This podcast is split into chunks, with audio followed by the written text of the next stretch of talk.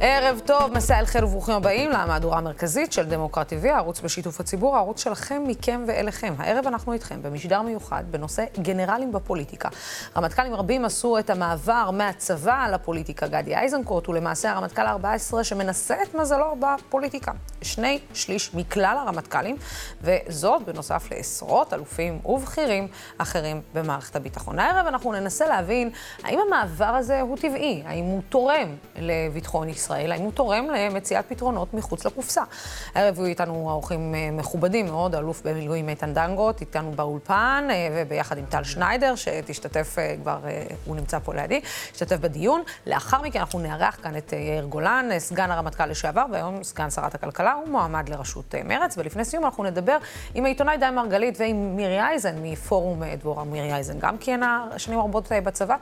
אבל לפני שנתחיל את הדיון, בואו נראה ביחד כמה נתונים מאוד מאוד מאוד uh, מעניינים. אה, איתן, אתה בטח תסכים עם uh, לראות את הנתונים המעניינים האלה ולהגיד שהם מעניינים מתוך סקר שערכנו השבוע לקראת המשדר הזה עם השותפים של דמוקרט TV. שאלנו מה דעתם על תופעת הגנרלים בפוליטיקה.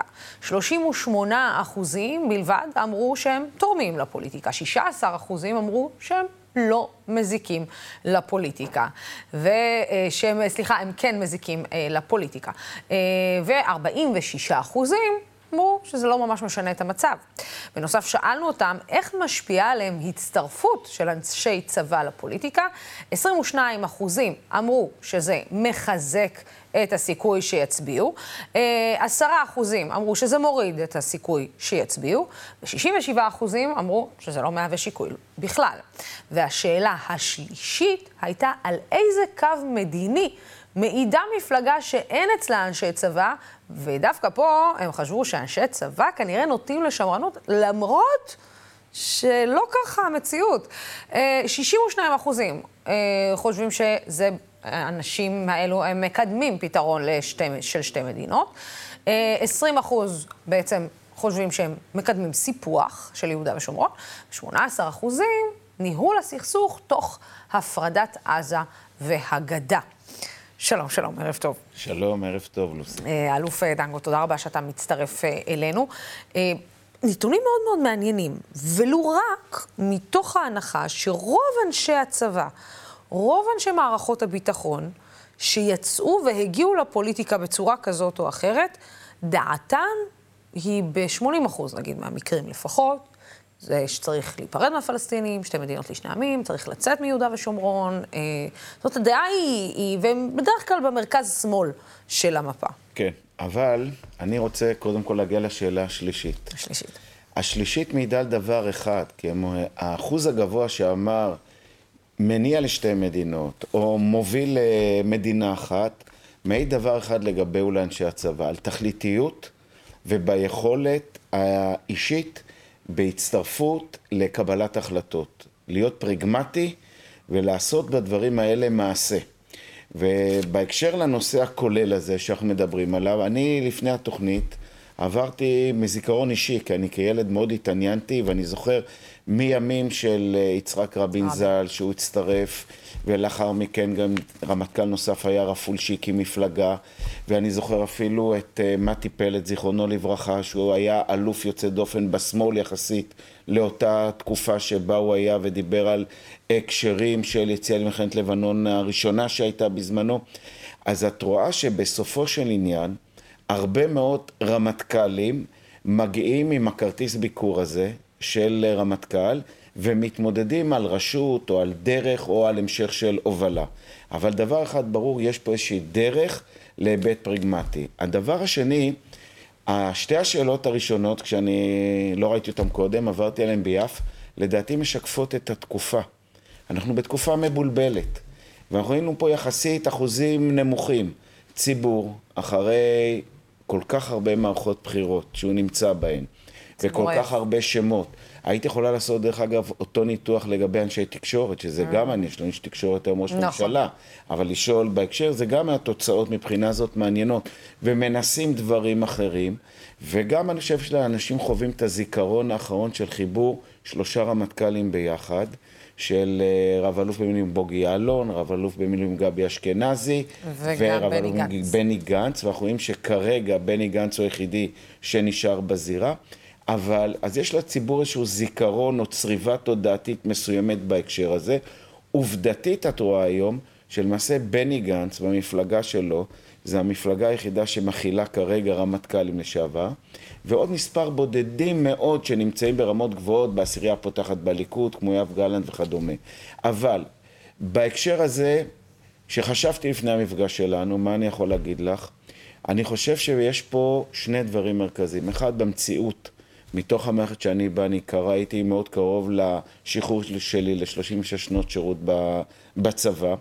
קודם כל, אנשי צבא בתפקידים בכירים, אני, אני הייתי מזכיר צבאי לשלושה שרי ביטחון ומתאם פעולות הממשלה בשטחים וראש מטה פיקוד העורף, הזיקה, דרג מדיני, דרג צבאי, החיכוך הזה נותן להם כניסה למערכת הזאת עם ידע, הוא לא מוחלט, הוא לא קיבלו בהקשר האזרחי הזה אחריות וסמכות, אבל עם ידע שיודעים לפתוח את הדלת, להכניס את הרגל ולדעת קצת לקראת מה הם הולכים.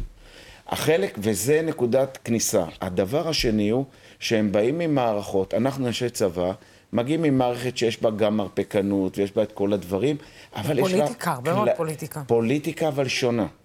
כי יש לה כללים אחרים לעומת הפוליטיקה שאת פוגשת בחוץ. ולדעתי הזירות הללו התרחקו מאוד בשנים האחרונות.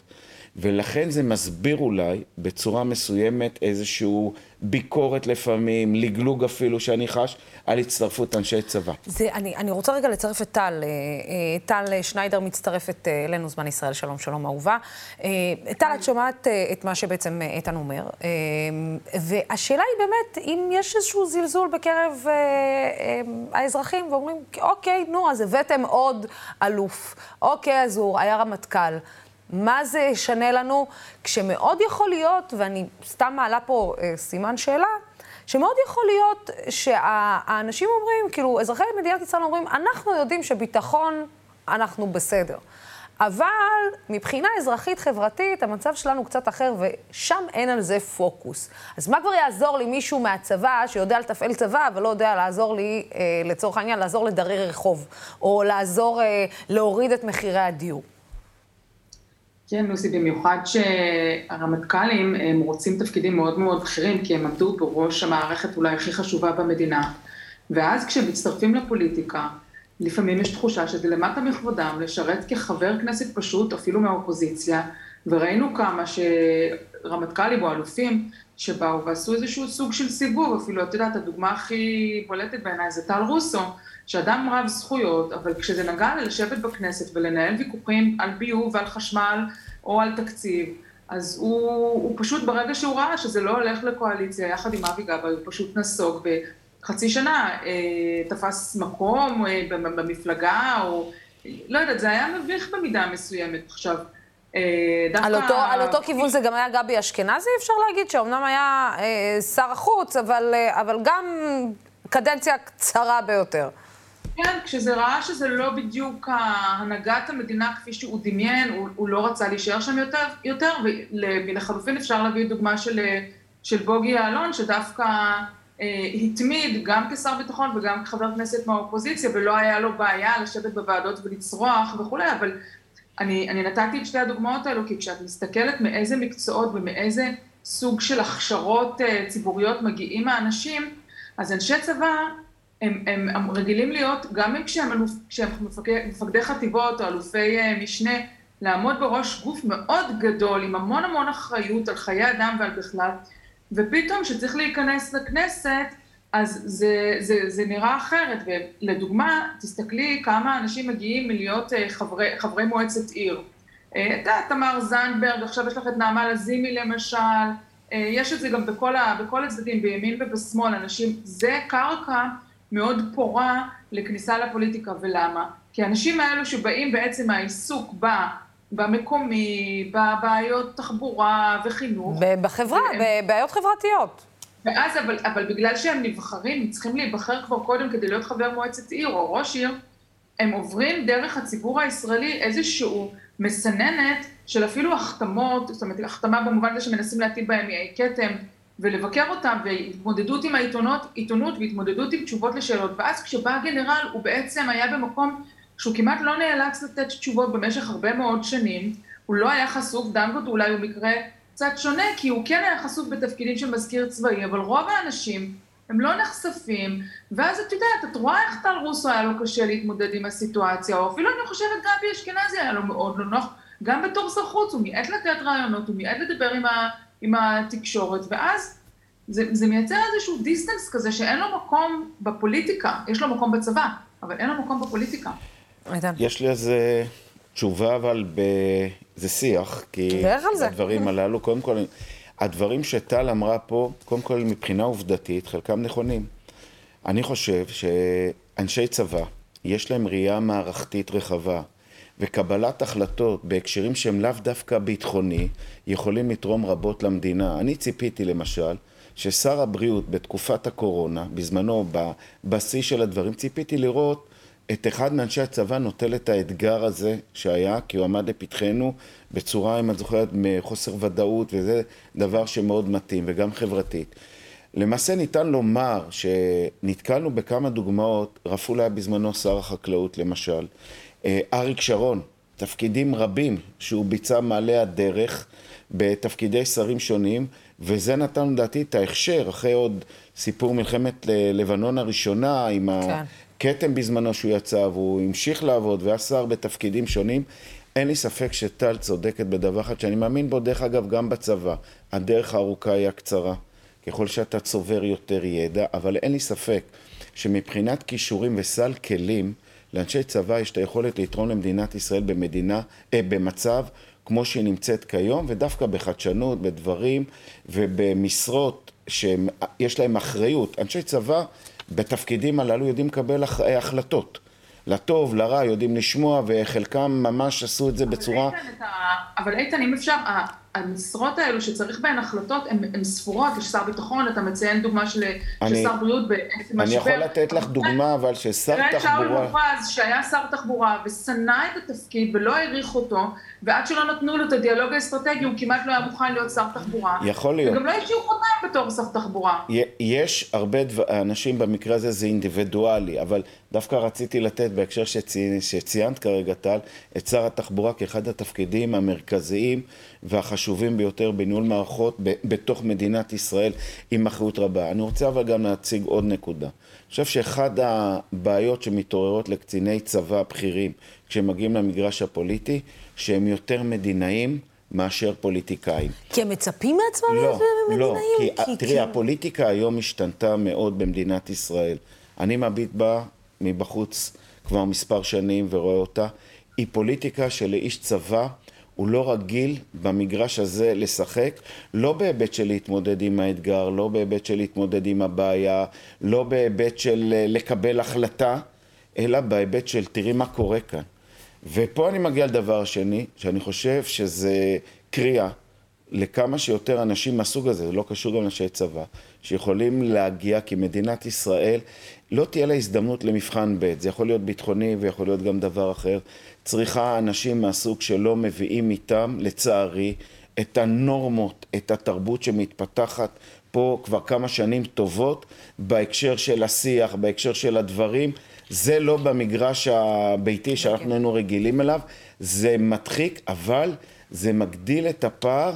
בסוף את מי נראה, זה לא רק אנשי צבא, אני חושב שזה פוגע גם במוכשרים אחרים שיכולים להגיע ולתרום, אבל לא במה שהתהווה היום. את יודעת, איתן, ואולי אני אשמע קצת, אה, קצת חצופה, אבל אה, אתה יודע, אולי בסוף, בסופו של דבר, מכיוון שכשאתה מפתח קריירה צבאית, יש סוג של נחת כלכלית. אוקיי? כאילו, אתה יודע, יש אה, קריירה מאוד ברורה, אה, אתה לא צריך להתעסק עם כל מיני דברים, יש דברים שאתה לא צריך להתעסק איתם, שהיום הדבר, העניין הכלכלי הוא עניין מאוד מאוד מאוד קריטי לאזרחי מדינת ישראל. זאת אומרת, אם זה יוקר המחיה, ואם זה חוסר היכולת לקנות דירה, ואם זה המחירים המאמירים. את רואה את זה משפיע משהו בבחירות האחרונות שנעשו לא, פה? לא, ואולי, אולי גם, אה, אני חושבת שכשאתה רואה איש צבא, אתה אומר, מה הוא יכול להבין מהבעיות שלי?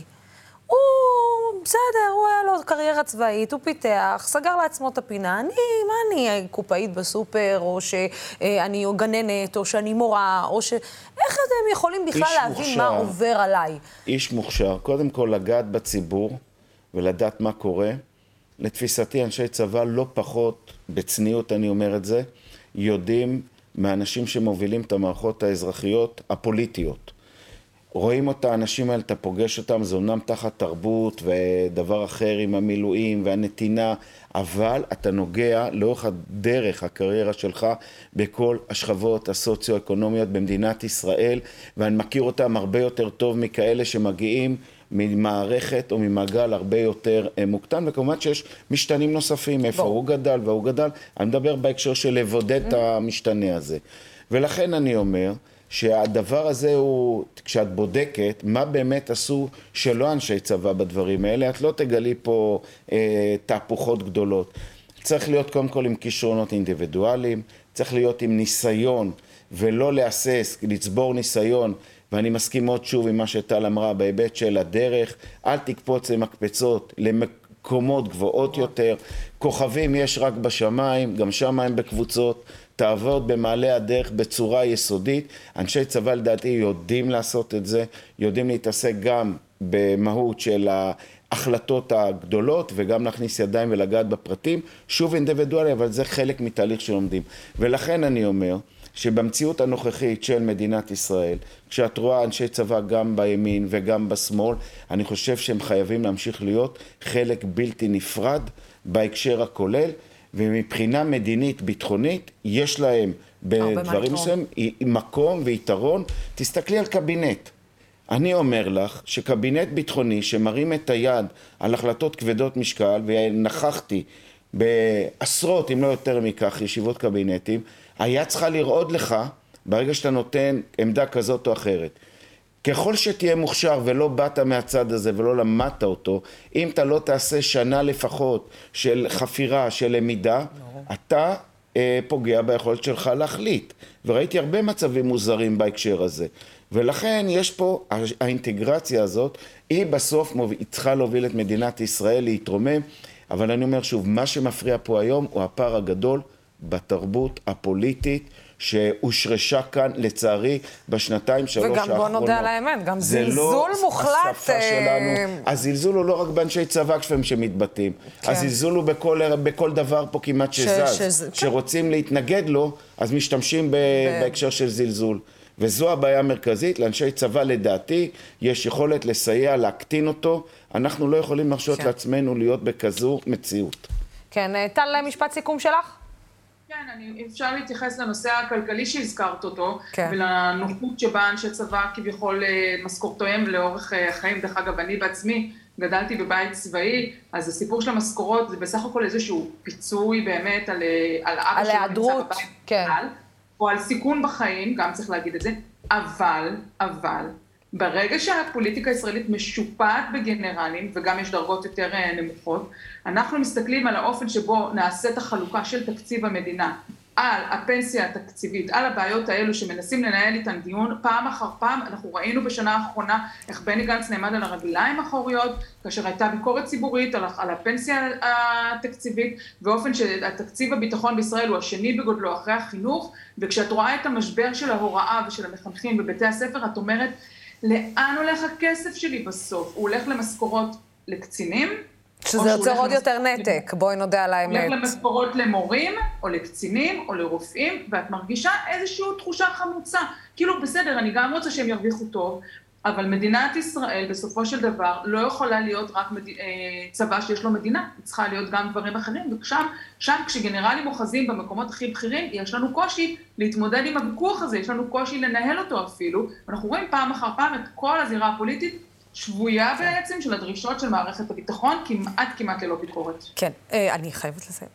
רק, רק דבר אחד, תסתכלי על הרשות המוניציפלית, את תמצאי שם בתפקידי ראשי ערים, מועצות, עשרות של יוצאי צבא שמנהלים את הרשויות המוניציפליות ובצורה יוצאת מן הכלל לעיתים. הדבר השני, אני לא יכולתי להבליג, כשדיברת על המשכורות והשכר זה שוב סטיגמה. תקשיבי, כשאתה 7/24, ואתה כל כל כולך בתפקיד, ועוסק באחריות אמרה את זה, ובשליחות. טל אמרה את אני זה. מבין אותה, היא גם בת טל, אה, למערכת כן. ביטחון וכדומה. אני אומר שהיה פה overflow של ניצול מצב.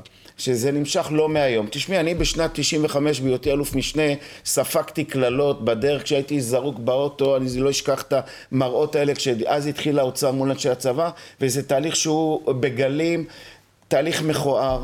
אנשי צבא שנותנים את הקריירה ועוסקים יום ולילה, זה פיצוי, הם לא נהיים מזה עשירים ולא מיליונרים, נמצאים עם מה שנקרא הכנסה בטוחה, כדי לאפשר להם לעשות בשקט את מה שהם עושים, ולכן אני אומר בסופו של דבר איזונים ופרופורציות, אנחנו מדינה אחת, אני חושב שזה מדינה ואחר כך יש לה את הצבא, מצד שני, תחשבי היום על מדינה כן. שלא הייתה מפתחת את מה שמגלה את המנהרות ואת כיפת הברזל ואת אותם השקעות, איפה היינו היום ביחס לדברים.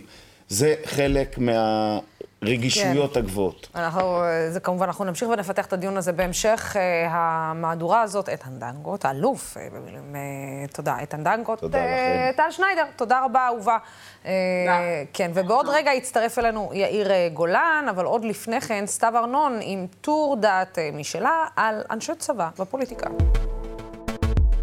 עם ההכרזה של גדי איזנקוט על הכניסה שלו לפוליטיקה, הגענו ל-14 מתוך 21 רמטכ"לים שהגיעו לכנסת, ועוד אלף אלפי אלופים. אני לגמרי מבינה את היתרון היחסי של הטוסטסטרונים היקרים האלה בקריירות של סחר בנשק או ייעוץ ביטחוני, אבל בעצם, מה הקשר לפוליטיקה? אז כן, ידוע שמדובר על אנשים שיש להם ניסיון שאף אחת לא תוכל לקחת מהם. בעמידה בלחצים, בקבלת החלטות, בניהול מערכות גדולות, אבל בואו נגיד שהגזרה לא בדיוק דומה לזירה, הפוליטית. הם מורגלים לפעול בהיררכיה, לתת פקודות, לדרוש ביצוע, מנהיגות מתוך סמכות. אבל בפוליטיקה מקבלים צל"שים על דברים אחרים לגמרי. בפוליטיקה צריך להקשיב ולשכנע, למצוא פשרות ולגשר על פערים, ליצור שותפויות ומכנים משותפים רחבים. הגנרלים מכירים אולי מצוין את כל האיומים והסכנות הביטחוניות, אבל הם כמעט לא מכירים, אחרי שנים על מדים, דבר אחד די חשוב כשרוצים להנהיג את המדינה.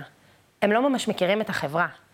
הם מגיל 18 ברצף לא פעלו ובקושי פגשו מקצועית בנשים, ומה הם חרדים, ומי היה מאמין, אבל 20% מהאזרחים במדינה הזו הם בכלל ערביות וערבים, ותכלס, אנחנו יכולות להניח שרוב המפגשים שלהם עם ערבים במהלך הקריירה שלהם היו בעיקר אלימים. והרי אצלנו, הכוח הוא לא רק מול אויבים, הוא מול פלסטינים, גברים, נשים וילדים. בחברה שלנו הכל תמיד קצת עקום. הצבא הוא המטרה, ולא האמצעי. הוא הגבעה ולא האלונקה. הצבא הוא המרכז וסביבו אנחנו האזרחים מסתובבים. חברה לא שווה צבא. ואני גם חייבת להגיד שנמאס לי לגמרי מהמאבקים של נשים להגיע לכל התפקידים הקרביים. פמיניזם מבחינתי זה לא שוויון בהחזקת הנשק, אלא התנגדות מהותית לאלימות ולכוחנות הצבאית. עם עוד ועוד גנרלים בהנהגה, נבחר בעוד ועוד פתרונות צבאיים, ונדחוק הצידה פתרונות מדיניים. המיליטריזם והאלימות והנוקשות זה כל כך לא מה שאנחנו צריכות וצריכים. אנחנו צריכות שינהיגו אותנו נשות חינוך, בריאות, רווחה, נשים ואנשים עם חשיבה רחבה, מגוונת, מכלילה, אנושית, חופשית. ועכשיו אני רוצה להגיד אה, ערב טוב לסגן הרמטכ"ל לשעבר, סגן שרת הכלכלה, יאיר גולן, שגם כמובן מועמד לראשות מרצ. שלום, שלום. שלום. אה, יכול להיות שהציבור שבע מכניסתם של רמטכ"לים אל תוך הפוליטיקה, או שזה כבר לא מרגש כמו פעם? אני חושב שזה בעיקר לא מרגש. אה, אבל אה, בכל אופן, אני חושב שהכניסה היא כניסה מבורכת. למה לך? שאלתי אותך את זה פעם.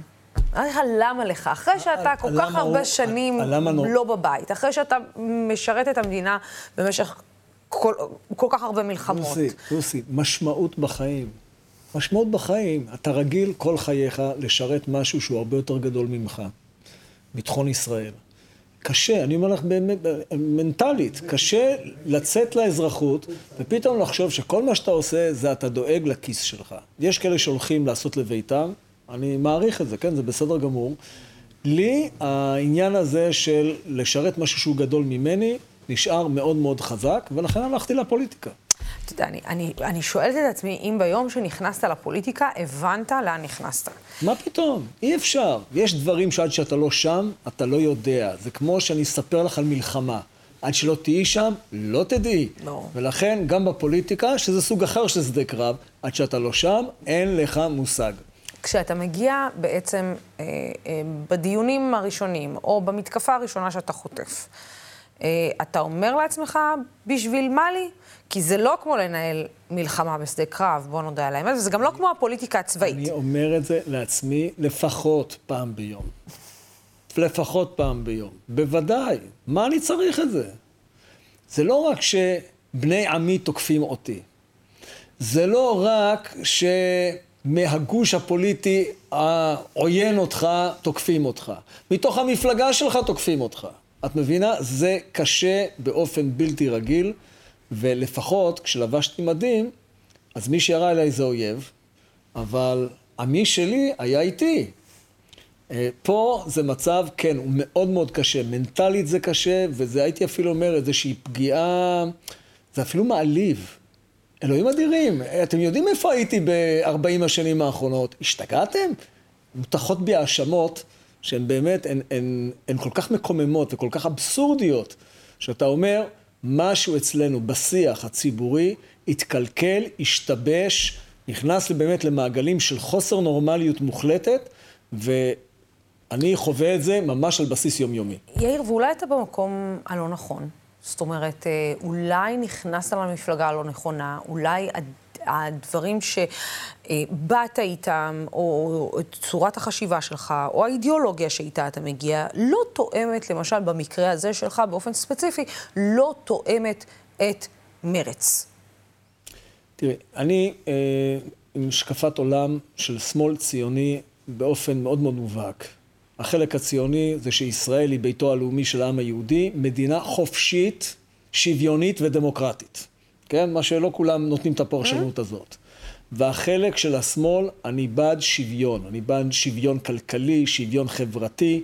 אני חושב שתפקידה של ממשלה הוא לייצר מקסימום שוויון כדי לייצר חברה בריאה יותר. חברה בריאה יותר היא חברה חסונה יותר. האתגרים שנכונו לנו כמדינה הם עצומים, איך שלא תסתכלי אל העתיד. האתגרים שלנו לא דומים לאתגרים של הולנד או דנמרק. נכון. אין ספק בכלל. ולכן אנחנו צריכים חברה חסונה. חברה חסונה בונים דרך קידום השוויון. אלה שני הנדבכים המרכזיים. השלום והביטחון והשוויון, שאיתם לדעתי צריך להתקדם. לכן אני איש שמאל ציוני.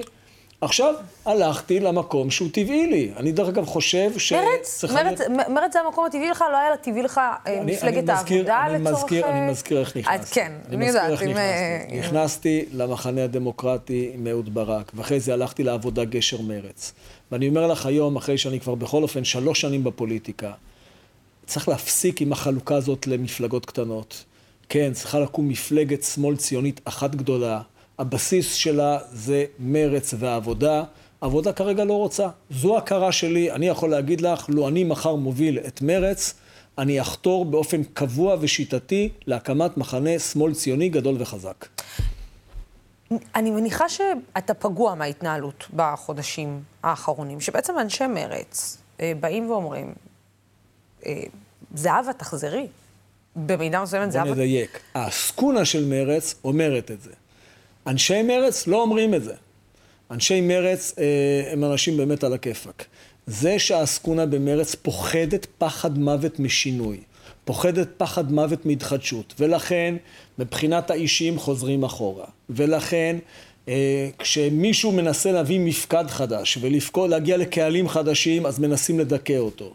וכל דיון על בואו נשתנה, בואו נתחדש, בואו נעשה משהו אחר, בואו נפרוץ את המסגרת הזאת של תקרת אחוז החסימה, כל דבר כזה פשוט אה, מהלך פחד בלתי רגיל על אנשים שפוחדים להשתנות. לא, אבל מאוד יכול להיות שבאים ואומרים, יאיר גולן לא רואה את הדברים שאנחנו רוצים לקדם במרץ, אה, כמו שאנחנו רואים אותם. בואו נראה, בואו נעבור נושא-נושא.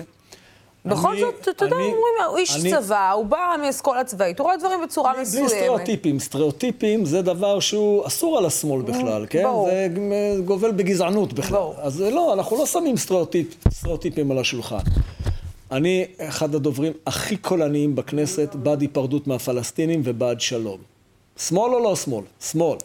אני אחד הדוברים הכי קולניים וגם עוסק בזה ביום-יום במשרד הכלכלה, בנושא של קואופרטיבים, שוויון, אה, צמצום פערים בכלכלה, עוסק המון בהכשרת אוכלוסייה ערבית אה, כדי באמת להעלות את הרמה המקצועית ולהעלות את רמת ההכנסה. הכי שמאל שבעולם, נכון? אין בעיה. אז מה הבעיה? מה, אבל, אבל אני לא חושבת שזה עניין של ימין ושמאל, כמו שזה אולי עניין של תפיסות עולם, שאומרים שהן יותר מתאימות, של היום, כן? שהן יותר מתאימות לצורך העניין למפלגת העבודה מאשר אני למרצ. כל כך שמח על השאלה הזאת, אני אגיד לך למה. כי זה בדיוק הסטריאוטיפ שחייבים לנפץ. אם רוצים שהשמאל יצמח ויגדל, הרי באמת, בינינו, מפעל השמאל הציוני הוא בדעיכה. היינו לפני 30, וש... ו- 30 שנה בדיוק, היינו 56 מנדטים, שתי המפלגות האלה, העבודה שלוש- 56 מנדטים. היום אנחנו ביחד 13, והסקרים לקראת הבחירות הבאות עוד מראים פחות. אנחנו מפעל בדעיכה. מפעל שיורד ויורד ורמת ההכנסות הולכת ויורדת, חייב להשתנות. ואני בא לאנשי מרץ, האנשים הטובים של מרץ, ואומר להם, בואו איתי, בואו נשתנה. נדבר אחרת, נשמע אחרת, נפעל אחרת, נתארגן אחרת. מנהיגות אחרת, נורא חשוב, מנהיגות אחרת. אנחנו יכולים להביא להתעוררות במחנה השמאל הציוני ולהתחיל לצמוח מחדש. לא יכול להיות, אחרי שכל כך הרבה שנים הימין פה כושל פעם אחר פעם, ומביא, מדרדר את המדינה לעברי פי פחת, ולוקה בהסתה ובלאומנות קיצונית, לא יכול להיות שאנחנו הולכים ויורדים. היינו צריכים להמריא לשיאים חדשים. אני מנסה להבין, אה, יאיר, אה, אתה יודע שבסוף אתה מגיע מהצבא, ממערכת מאוד מאוד ברורה, ההיררכיה מאוד ברורה, אה, יוצאים למשימה מאוד ברורה, יודעים מה קדימה, מה אחורה, מהצדדים, מיני, מנסים להגיע למינימום הפתעות.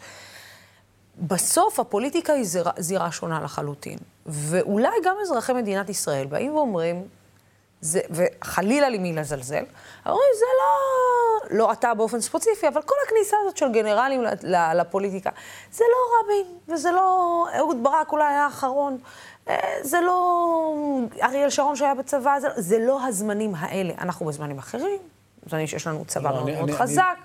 אה, גם אתה רואה, ואני, בטח גם אתה הרגשת, הכניסה של איזנקוט לא ממש, אתה יודע, ריגשה פה את הקהל שיצא בתופים במחולות, גם לא את השמאל. גם לא צריך שזה יקרה. אני אגיד לך משהו. בפוליטיקה יש מקום לכולם, לאנשי צבא, לאנשי תקשורת, לעורכי דין, לרואי חשבון, למהנדסים, למדענים. זה הפוליטיקה. זה שוק חופשי.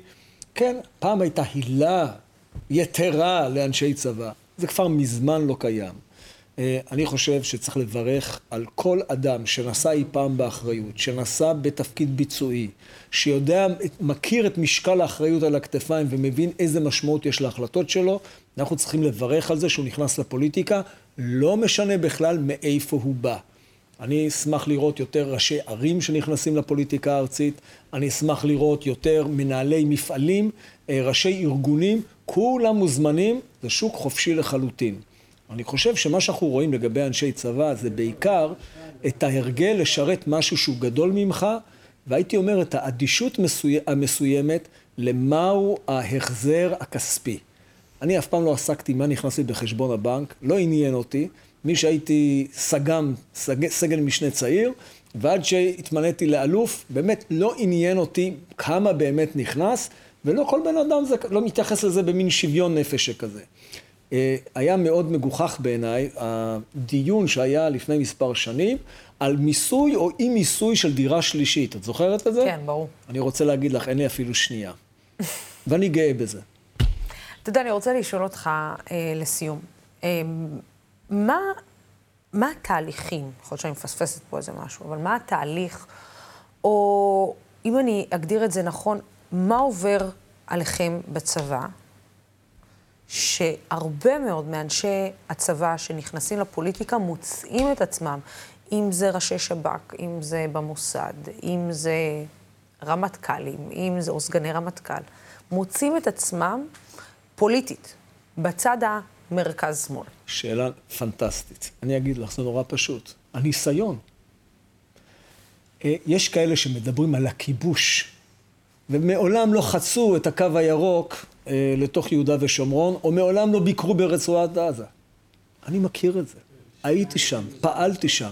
אני יודע איזה חוסר תוחלת מוחלטת יש לניסיון המטורף שלנו לשלוט על אוכלוסייה עוינת לנצח. לנצח. זה פשוט טירוף לאומי מוחלט. אין סיכוי, אני, לא יכול, אני יכול להביא לך דוגמאות היסטוריות אין ספור. אין סיכוי לקחת אוכלוסייה, עם, שתי אוכלוסיות, עם רמת עוינות כל כך גדולה ביניהן, עם שוויון מספרי פחות או יותר, בגבולות ארץ ישראל המנדטורית פחות או יותר, אותו מספר של יהודים וערבים. ולהתיך אותן יחדיו בכוח, זה פשוט לא יעבוד. אפשר שיהיה מדינה שהיא עם רוב יהודי מוצק, עם מיעוט שוויוני לחלוטין, כדי שבאמת יהיה יכולת להסתכל על מטרות לאומיות משותפות, אה, אבל אם אנחנו ננסה היום לספח לתוך שטח מדינת ישראל עוד סדר גודל של 4.7 מיליון פלסטינים, אה, יהודה ושומרון ורצועת עזה, ונגיע למצב של פחות או יותר 50-50 אחוז, עם, עם מדינה חשבון, יהודית זה כבר לא. עם חשבון דמים איום ונורא, עם רמת שנאה שהיא מושרשת. איזה דבר טוב יכול לצאת מזה? זה רק חשיבה משיחית מטורפת או אופורטוניסטית מוחלטת יכולה באמת לתמוך בסוג כזה של גישה, ולכן בעיניי זה פשוט אסון למדינת ישראל. אני חושב שלטובת כולנו, אנחנו צריכים מדינה שהיא כן ביתו לאומי של העם היהודי, זו, זו תכלית קיומה של ישראל, אחרת אין שום הצדקה לקיומה. אה, היא לא, יכול, היא לא יכולה להגיד היא מדינת כל אזרחיה, ומן הצד השני, מדינה שיש בה שוויון אזרחי מוחלט, לא בשביל לעשות טובה לאף אחד, אלא בשביל לעשות טובה לעצמנו. מהשוויון הזה, מה שיצמח זה למרות הרקעים השונים, למרות שאנחנו מגיעים באופן בסיסי ממציאות של קונפליקט, נוכל להסתכל קדימה ולבנות עתיד טוב יותר לילדים שלנו ביחד. זה מבחינתי העניין. ועוד משפט אחד, כדי לעשות את זה, חייבת להיות ברית נחרצת של המתונים, שמתקדמים קדימה, מובילים את החברה ביחד. אם לא תהיה את הברית הזאת של המתונים, משני הצדדים, מהצד היהודי ומהצד הערבי, מי שישלוט בגורלנו זה הקיצוניים ביותר, ולצערי זה מה שבדיוק קורה היום. כשהקיצוניים הולכים ומתחזקים בשני הצדדים. ואז מה שזה מבטיח לנו זה מלחמת גוג ומגוג, זה מאבק מדמם, נצחי, שלא נצליח להיפטר ממנו. אומה שלא חותרת לשלום היא אומה שאיבדה את התקווה. אומה שאיבדה את התקווה לא תשאיר פה את האנשים הצעירים שלה לחיות פה. סגן השרה אה, יאיר גולן, אולי יושב ראש מרצ, אולי לא. ימים, אה, תכף ימים קרובים אה, יגידו, שבוע הבא. שבוע הבא, כן. תודה רבה לך על הדברים האלה. בסדר, בינתיים איתמר בן גביר עם כל מיני תוכניות. מה אתה יודע, אולי אני לא פגש, לא פגש איתך, הוא מתכנן לי אירופה. הרכבת מוכנה? הוא מתכנן לי אירופה, תמיד חלמתי לגור באירופה. איזו אמירה מזעזעת, זה פשוט מחריד. יאיר גולן, תודה רבה לך. תודה. וכדי להמשיך את הדיון, אני רוצה להגיד ערב טוב לעיתונאי דן מרגלית, וגם לאלופת משנה במילואים, מירי אייזן, אה, לשעבר. איזה כיף לראות אותך סוף סוף ולדבר איתך סוף סוף, הרבה זמן לא נפגשנו ולא דיברנו. אה, מירי אייזן, לשעבר בכירה באמ"ן והיום בפורום אה, דבורה. אני רוצה, אתם שמעתם, יצא לכם לשמוע קצת את uh, הדברים uh, שנאמרו כאן. אני, uh, דן, ברשותך, אני רוצה לפנות למירי, דווקא מהיותך מירי אישה, בתוך מערכת הביטחון. שהייתה ולקחה חלק פעיל גם בפוליטיקה הישראלית, גם בניסיון גם לייצג את ישראל, גם בפני, ואת, ואת כל מה שאנחנו עושים, גם את הפוליטיקה הישראלית, בפני תקשורת זרה, והמבט שלנו החוצה. זה עידן בכלל שהוא כמו העידן הקודם שהיה בנוי, שהייתה חברה יותר צבאית, או שהיום העניין הצבאי הוא, איך נגיד, משני יותר בחברה הישראלית, מאשר הבעיות היומיומיות. איזו שאלה, את מיד מתחילה וקופצת פנימה. הצבא עדיין לא משני, עצם הקפיצה שגדי איזקוט בא, והייתה לזה איזושהי הבנה, וכאשר אנחנו מדברים בשנים האחרונות על כל מערכות הבחירות ועל לאן הגנרלים השתבצו, עדיין יש לנו את מה שאני קוראת קיצור הדרך לפוליטיקה. יש את זה אולי גם בדרגות בכירות מאוד, מישהו שהיה נגיד בנק ישראל, מישהו שהיה מאוד בכיר בתוך הממשלה, אבל בפועל אנחנו רואים את הקפיצה הזו. מתוך השירות, כי בסוף זה שירות ציבורי, גם בצבא, ישירות לחלק העליון של הפוליטיקה, לרשות של רשימות. הנה זה סגן שרה, אנחנו רואים את זה רק אצל גנרלים. ועל זה נאמר עלייה וקוץ בה, כי גנרלים זה גברים. אה, יאיר הוא סגן השרה של האלופה היחידה שהייתה בצה"ל, אורנה ברביבאי, והיא גם יכלה לעשות את הקפיצה הזו, ואין לנו מספיק נשים שם, ולכן מיד יש פה בילט אין איזושהי הפרדה. אז זה עדיין קיים, וזה מיד אומר שיש שם חסר. דן? אני לא יודע להגיד את הדברים בצורה כל כך uh, מדויקת, ולהגיד, להבין שמזה שיש אלופים שמצליחים להיכנס למערכת, אז יש אפליה של נשים. על כל דבר אפשר להגיד, יש גם אפליה של נשים בכדורגל, הן לא משחקות. נו, אז זה לא נכון. הן משחקות... בקיצור, אני, אני כן יש אפליה של נשים אה, במערכות, במדינות המערביות עדיין אה, בצורה בולטת, אבל זה לא נובע מן העובדה שישנם אנשי צבא אה, לשעבר במערכת הציבורית. צריך להגיד את הדברים לפי דעתי בצורה אחת באופן כללי. האנשים האלה עברו תהליך מאוד מורכב, שכולל לחימה ואומץ לב וכל הדברים האלה, וגם תהליך של לימוד משמעותי, וגם תהליך של התנסות, התנסות בסמ"ך, לא. בסמ"ך, כן, לא בשין. בסמ"ך, שבמערכת הניהולית. זה לא אומר שאין אנשים שבאים מהחיים מה, האזרחיים והם לא יודעים לנהל. אני חושב שנפתלי בנט יודע לנהל מצוין. אה, ככה אני, ככה אני חושב. וישנם עוד רבים אחרים. אלא מה? האנשים האלה, באותו רגע שאתה, נניח, נהיה אלוף דרום, אלוף צפון, זכות מזה שאתה צריך לראות שלא יראו עליך מעזה בדרום, ומהחיזבאללה בצפון, אתה צריך לראות איך אתה מסתדר עם התקציב שלך, ואיך אתה מוסיף, ואיך אתה גורע, וכל הדברים האלה של הניהול, ואתה צריך לנהל יחסים, ואתה צריך להיות המנהל, לא רק המפקד, ואתה צריך להתחשב בנושאים רבים ואחרים. עכשיו בואו, למה שנדבר? בואו נדבר על אנשי צבא במערכת המדינית של מדינת ישראל. נלך עליהם אחד-אחד. משה דיין חיוני להסכם השלום עם מצרים, חיוני להסכם השלום עם מצרים, ואני לא מדבר איך הוא ניהל את המשא ומתן שהונה את המחבלים בפרשת צבנה, אני מדבר בדיוק על הדבר הזה, שבתחום אה, אה, המדיני, אני מדבר, יצחק רבין ניהל, הביא את השלום עם חוסיין, זה לא אומר, מנחם בגין עמד בראש השלום עם מצרים, אבל תשאלו פעם את אהרון דיין, את אהרון ברק, מה היה חלקו של משה דיין בעניין. עכשיו אני עובר הלאה. יצחק רבין התגלה כמדינאי מצוין, גם כשגריר ישראל בארצות הברית, וגם כשהוא ניהל את המשא ומתן והביא שלום אה, עם ירדן. אריאל שרון, אנחנו יכולים לא להסכים עם חלק ממדיניותו. אם אנחנו ימניים, אנחנו לא מסכימים עם ההתנתקות. אם אנחנו שמאליים, אנחנו לא מסכימים עם הפריצה הגדירה שהוא עשה אה, בנושא ההתנחלות. זה כמובן יש בתוך הדברים האלה סתירה, אבל את שני הדברים האלה הוא עשה בהצלחה אדירה. אפשר להגיד מה שרוצים, זה תלוי בהשקפה הפוליטית שלך, אבל היכולת בביצוע היא יכולת מאוד מאוד גבוהה. בוגי יעלון היה שר ביטחון מצוין. שאול מופז, אני לא יודע. מצא את עצמו מחוץ, אז זהו, אבל דן, הוא מצא את עצמו מחוץ לפוליטיקה. גם גבי אשכנזי. רגע, מי מצא את עצמו מחוץ לפוליטיקה? בוגי יעלון.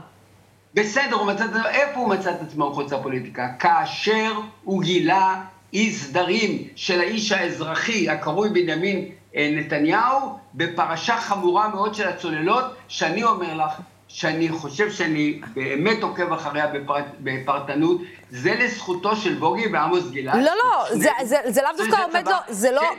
למה הם? מפני שהם מבינים בניהול. כן, אבל זה בגלל שהם, אבל הם לא פוליטיקאים. אז הם ידעו לשים את היד על זה. אבל דן, אתה יכול... אני אומר לך, שאת ואני, אם היינו שרי ביטחון, בכל הכבוד, את ראשונה, אני סגנך, שנינו לא היינו, אני אומר לך שלא היינו מגלים מה ש...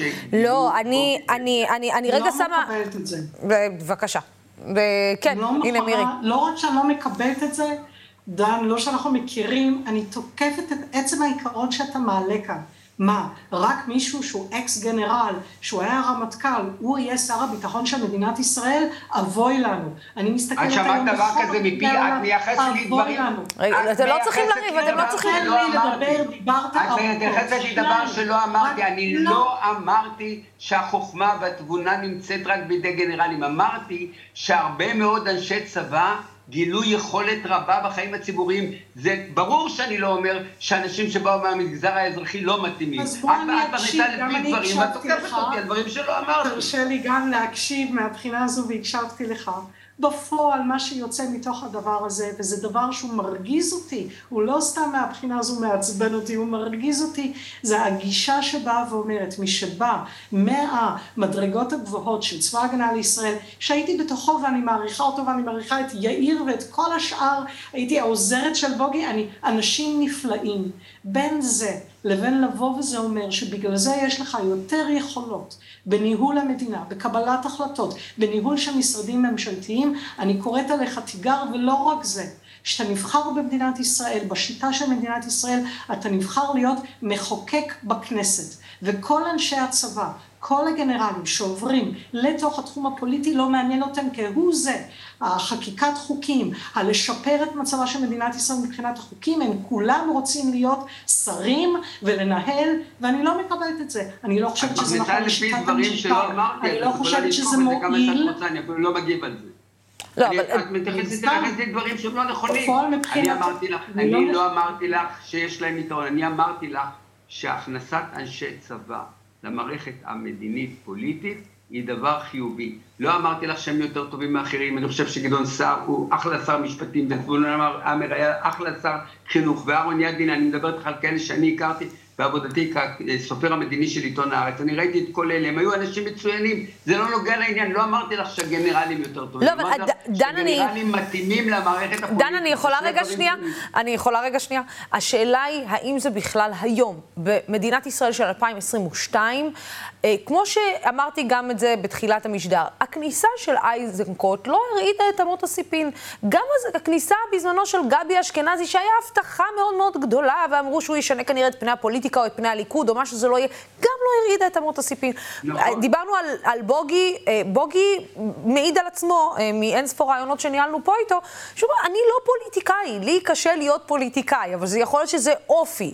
אה, אתה יודע, בסוף אני אומרת, הוא יכול להיות שהעידן הישראלי, או הישראליות שאנחנו חיים בה היום, היא ישראליות שונה לחלוטין מהישראליות שחיינו בה כשהייתה באמת חרב על, על צווארנו. זאת אומרת, מהישראליות של יצחק רבין, של אריאל שרון, של אה, עוד גנרלים אה, גדולים ואחרים, של אהוד ברק, שהמצב, בוא נגיד, הביטחוני היה הרבה יותר קשה ממה שהוא היום. היום החרב על צווארנו בעניינים אחרים לחלוטין, זאת אומרת בענייני יום-יום, ושיכול להיות שאנשים שמגיעים מהצבא לא מרגישים את זה, אה, אה, לא חווים את זה על בשרם, ועל כן ישנה איזושהי דחייה.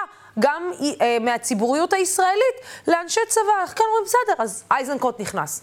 בסדר, אז אשכנזי בפנים. טוב, נו, אתה יודע, זה, אה, ז, זאת הכוונה. נכון, זה באמת, נכון, זה באמת לא מאורע כל כך גדול, אבל אני רק אומר, האנשים האלה מתאימים. אני רק רוצה להגיד עוד משפט אחד, ואחרי זה אני אה, משתתק לגמרי. תשימי לב שהיריבים הכי חמורים של שלטון החוק במדינת ישראל, של עליונות שלטון החוק, של אה, הבטחת השוויוניות במדינת ישראל, האנשים שאומרים את הדברים הכי חמורים, ואל תתנפלי עליי בבקשה גברתי, לא היו בעמדות בחירות בצה"ל. חוץ מגלנט, שהוא באמת אמר דברים חמורים מאוד, שהחלטת בית המשפט העליון לא חייבת להיות המחייבת הסופית, אני לא מכיר איש צבא שדיבר בצורה כזאת על מערכת המשפט הישראלית וכולו, כמו שזה נשמע דווקא מהימין האזרחי. כן, גם, גם גלנט איים בכל מיני דברים, אתה יודע, לעשות נכון. לערבים כן. וכ- וכאלו נכון, דברים נכון, ואחרים. גלנט כן. הוא לא האלוף היחיד באותה מפלגה. אה, כן, אה, אה, מירי, את רוצה לסכם את הדברים? אני חושבת שעדיין יש קיצור דרך בתוך הפוליטיקה לעמדות בחירות לאנשים שיוצאים מתוך הצבא, בכלל מתוך המערכת הביטחונית. אני לא רואה בזה דבר רע, אני בזה כן מסכימה עם דן. אני כן חושבת שכאשר עושים את המעבר הזה, איש הביטחון בא מתרבות אחרת, אגב, זו תרבות פוליטית פנימית צבאית. צבאית, נכון. שגם יאיר דיבר על זה קודם, על השינוי שחל לו כשהוא נכנס לתוך זה, ואני שומעת את זה מאנשי צבא אחרים. אבל בפועל הקפיצה הזו שנותנת להם מיד את העמדות הבכירות בתוך המפלגות, את המקומות הריאליים, ואחר כך את התפקידים שהם תפקידי שרים, מה שנקרא, את המדרגה הזו, יש פה איזשהו מחסום על אלה שאין להם אותם, אין עוד הרבה תפקידים במדינת ישראל שעושה את המקפצה הזו, הייתי רוצה לראות את זה בצורה יותר רחבה, שאנשי הביטחון יבואו וישמעו וילמדו באמת את השפה שהיא שפת מדינת ישראל, לא הביטחונית, יש לנו פה שפה שלמה נוספת. כן, אה, אלוף אה, במילואים מירי אייזן, תודה רבה לך על השיחה הזאת. משנה. אה, אלוף משנה, משנה. ודן מרגלית, יקירנו, תודה רבה על השיחה הזאת. בסדר, הנה, לא הסכמתם, אבל הנה, זה בסוף יצא מצוין, הגענו לעמק השווה. תודה רבה לשניכם, ותודה רבה לצופים ולשותפים של דמוקרט TV. התוכנית והערוץ הזה אפשרי רק בזכותכם ובזכותכן. בימים כמו אלו הולכת ומתחדדת החשיבות של ערוץ תקשורת שלא מפחד להביע עמדה נחרצת בעד הדמוקרטיה ובעד שלטון החוק, בעד המאבק. המאבק בשחיתות ובעד מגוון של דעות. בינתיים נתראה בשבוע הבא, עד אז סלמת, כן המפקד, בימין או בשמאל מצדיעים?